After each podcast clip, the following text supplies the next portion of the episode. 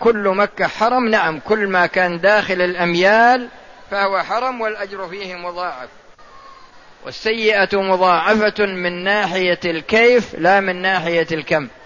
لي أخ غائب منذ خمس وأربعين سنة لا أدري هل هو حي أم ميت. هل يجوز لي أن أطلع صكوك استحكام يا أخي هذا يرجع إلى محكمة بلدك.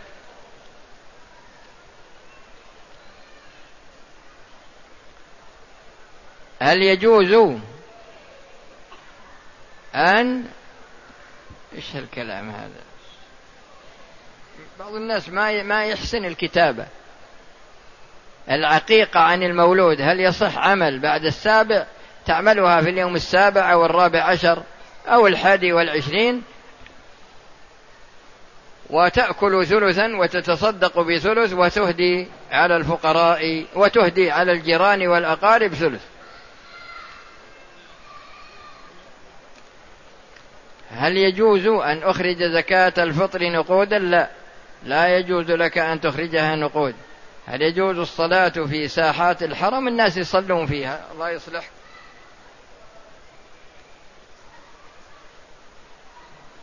عند السفر من العمرة عند السفر من العمرة لا بد من طواف الوداع. إذا أردت تسافر إن شاء الله تطوف يتقبل الله منا ومنك. نعلم القص أو التقصير للرجل فكيف يكون التقصير للمرأة؟ تأخذ من كل جديلة من جدايلها قدر أنملة يعني قدر فصلة الأصبع.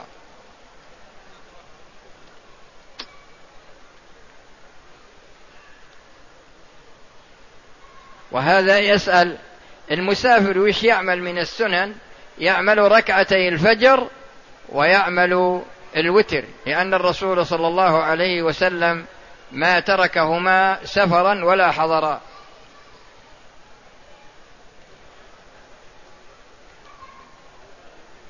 امرأة محرمة لبست القفازين ناسية. إذا لبست القفين ناسية تخلعهما عند الذكر وليس عليها شيء.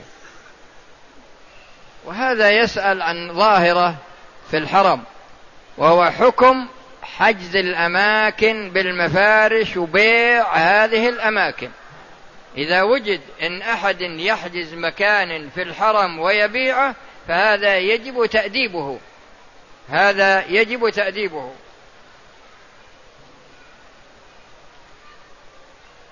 رجل اعتمر من أبيار علي ثم تحلل من إحرامه قبل أن يطوف ويسعى لمشكلة حدثت له فماذا عليه؟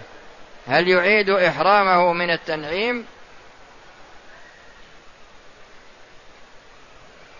الشخص إذا أحرم بعمرة أو حج واشترط فقال فإن حبسني حابس فمحلي حيث حبستني وعرض له ما يمنعه شرعا من أداء العمرة أو أداء الحج فإنه يتحلل من إحرامه وليس عليه شيء. أما إذا لم يشترط فإنه لا يزال باقيا على إحرامه فإنه لا يزال باقيا على إحرامه وهذا الشخص يجب عليه إذا كان كذلك يجب عليه أن يخلع ثيابه ويلبس إحرامه ويتطهر ويطوف ويسعى ويحلق أو يقصر ويكفر عن المحظورات التي فعلها حال إحرام حال تحلله بزعمه. هل يجوز؟ هذا يعني يريد أن يأخذ عمرة عن العم أو عن الخال الذين توفوا نعم ما في مانع.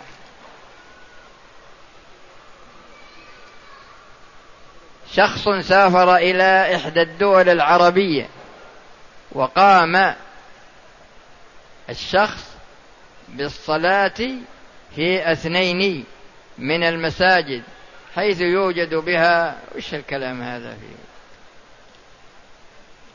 بعض الناس ما يحسن الكتابة.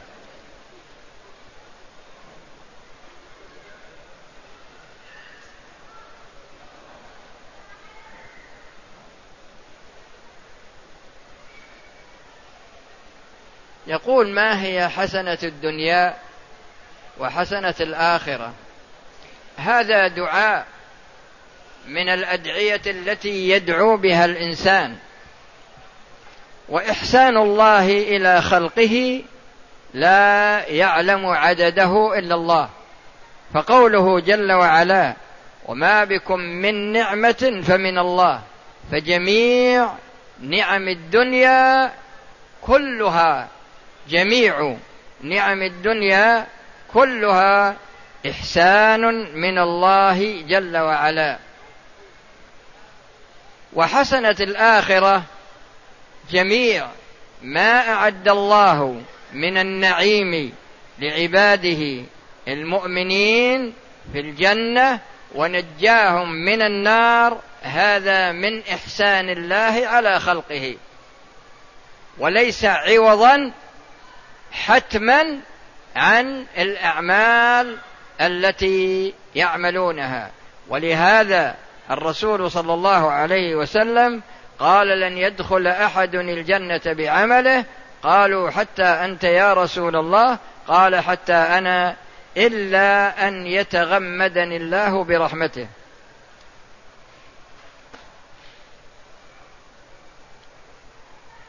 أنا حافظ للقرآن والحمد لله وأقوم بتحفيظه للأولاد. أسأل الله أن نعلم به. فتبرع رجل من هذه القرية بعمرة لي في هذا العام. إذا إذا أعطاك فلوس من أجل أن تعتمر فجزاه الله خيرا وتقبل منا ومنك. إذا كان الإمام يصلي المغرب وأنا في سفر وأريد أن أصلي خلفه العشاء يعني هل صليت المغرب؟ إذا كان يصلي المغرب وأنت لم تصلي المغرب فتصلي معه. لكن إذا كنت مسافرا وأردت ودخلت معه صليت المغرب ووجدته يصلي المغرب يعني فرضنا لأن هذا السؤال في الحقيقة مفروض. إذا فرضنا أنك صليت المغرب ثم وجدته يعني دخل في صلاة المغرب فتدخل معه في أولها وإذا قام للثالثة تجلس وإذا سلم تسلم معه. أنت بنية العشاء وهو بنية المغرب.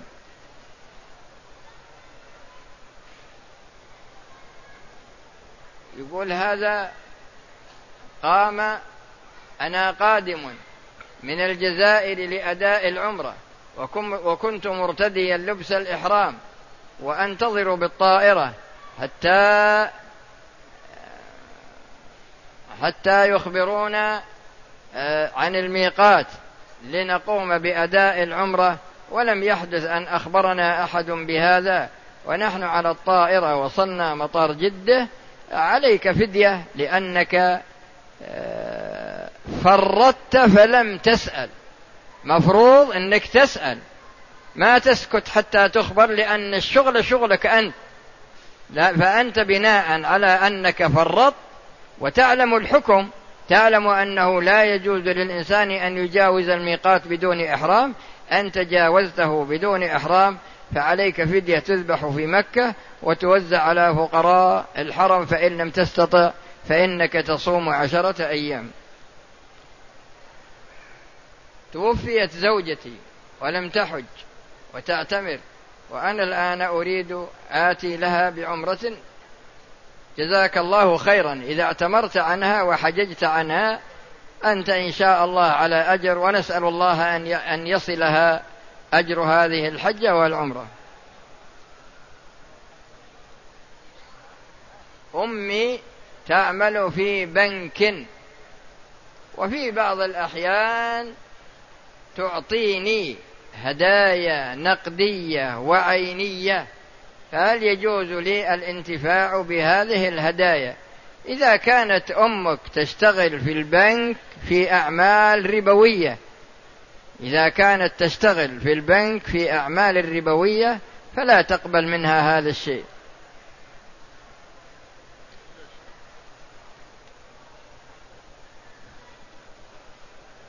أنا امرأة أبلغ من العمر ستين عاما. ومعي ابنة أختي وعمرها خمس وثلاثون سنة وأريد أن أستأجر بجانب الحرم في شهر رمضان ومحرمي مشغول ولكن ينزل ينزلنا إلى الفندق ويمر علينا بين فترة وأخرى. هل يجوز أن أبقى أنا وابن أختي لوحدنا آه، في الفندق طيلة شهر رمضان. ما في مانع هذا. أخذت إذا أخذت عمرة في شهر شوال و وهي أشهر الحج. وهو من أهل الطائف ويريد أن يحج فهل فهل يفرد بالحج؟ إذا. إذا منا أخذ العمرة ثم سافر للطائف وأحرم بالحج من الطائف هذا يكون مفردا ولا يكون معتمرا.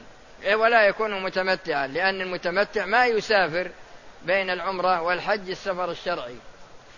إذا حج المرء ولم يطف طواف الوداع فهل على الزو فهل يلزمه فدية؟ نعم يلزمه فدية تذبح في مكة وتوزع على فقراء الحرم. وهذا يقول إذا حضرت إلى مدري وش هالكلمة وبقيت فيها شهر رمضان وأردت أن آخذ عمرة فهل أحرم من الطائف؟ إذا كنت في مكة وأنشأت العمرة من مكة فإنك تخرج إلى الحل وتأخذ عمرة. الأسئلة كلها من كلمة إذا إذا. رجل أخذ عمرة فقصر من شعره. هو الشخص عندما يريد عندما يريد يتحلل من العمرة إما أن يحلق جميع شعره وإلا يقصر من جميع الشعر. هل النهي يقتضي الفساد والبطلان؟ هل الفخذ عورة؟ الفخذ عورة نعم. إذا أقيمت الصلاة المكتوبة المتنفل هل يخرج منها بالتسليم؟ إذا كنت تتمكن من إتمامها قبل تكبيرة الإحرام فأكملها وإذا لم تتمكن فاخرج منها وذلك أن إدراك تكبيرة الإحرام مع الإمام خير من الدنيا وما فيها. أما بالنظر إلى السؤال الأول وهو أن النهي يقتضي الفساد هذا يحتاج إلى كلام كثير وعندما ننتهي ممكن أشوفك وأشرح لك الموضوع.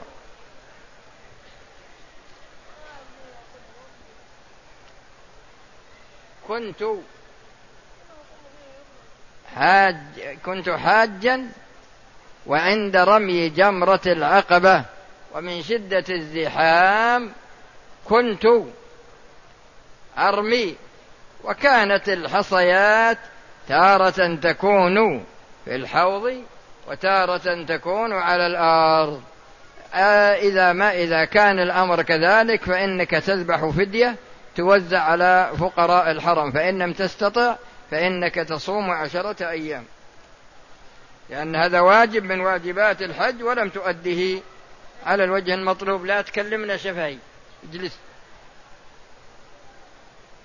أكون مسا عندما أكون مسافرا وإلقاء جماعة وألقى جماعة يصلون الظهر ولكن لا أدري أهم يصلون قصرا أو إتمام فكيف اسأل قبل تدخل إذا كان إنك ما عندك نية في إتمام الصلاة اسأل قبل الدخول.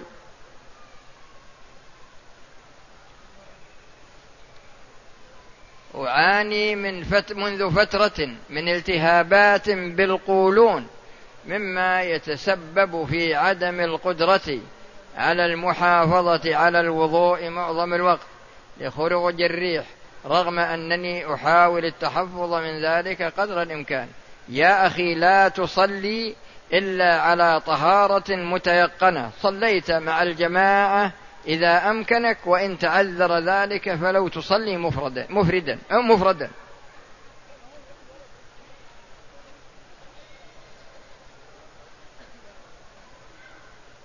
سبقت في صلاة التراويح بركعتين. فهل أدخل في عموم قوله صلى الله يا أخي لا تحاسب ربك لا تحاسب ربك في عملك الله سبحانه وتعالى كريم. اشتريت ذهبا ثم أبدلته في اليوم التالي بذهب آخر. إذا كانا متساويين من جميع الوجوه ما في مانع.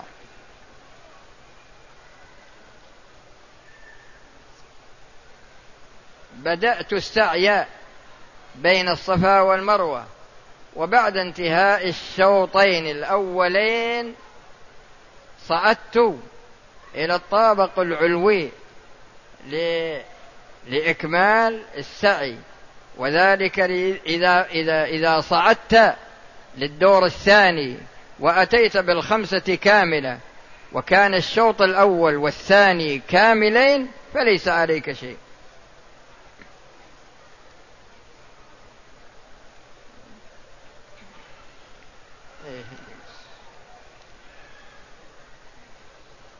فاتتني صلاة العشاء مع الجماعة فدخلت مع الجماعة في صلاة التراويح بنية صلاة العشاء ولكني سلمت مع الإمام بعد ركعتين بنية القصر لأنني مسافر. إذا كان على إذا كان على على على هذه الصفة فليس عليك شيء. لكنك اقتصادي أنت. ما أنت برايح أن تكلف نفسك أبد.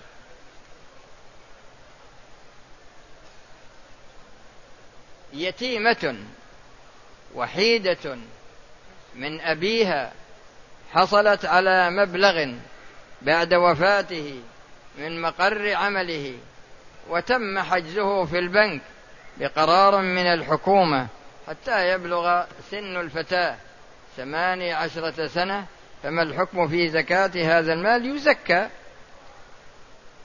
سبحان الله الناس عندهم بخل في حق الله أمر يعني عجيب.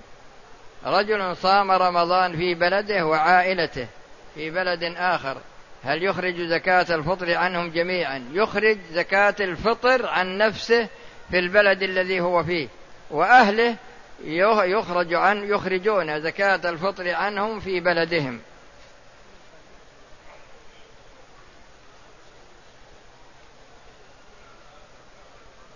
وهذا يسأل يسأل عن الشماء بس الكتابة ما هي واضحة بالحيط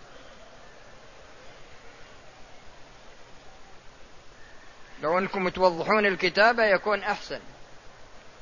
أحرمت من جدة لأداء العمرة ولظروف خاصة بانتهاء إقامتي تم حجزي خارج مكة وأمرني رجال الشرطة بخلع الإحرام لترحيلي واضطررت لخلع ملابسي للإحرام ووفقني الله للمجيء إلى مكة وأحرمت من مكة وأديت العمرة.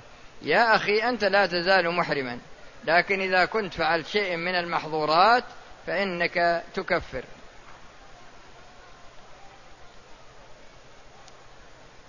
قد أحرمت من الميقات وأنا على الباخرة وبعد إحرامي رأيت امرأة وكنت أنظر إليها ولكن بدون شهوة فهل هذا يبطل العمرة الله أبو تعالى يقول قل للمؤمنين يغضوا من أبصارهم فالواجب عليك غض بصرك. واستغفر الله. بسبب الزحمة على الوضوء أقتصر فقط على أركان الوضوء ولا آتي بالسنة. إذا توضأت وضوءا شرعيا إذا توضأت وضوء غسلت جميع أعضاء الوضوء فكونك تغسل العضو ثلاث مرات هذا يعني المرة الثانية والثالثة من السنة. فيكفي أنك تتأكد من غسله مرة واحدة لكن لابد من التأكد. ها؟ إيه بعد شوي قليل بس. إيه بس هذا رشوة اصبر. اصبر شوي.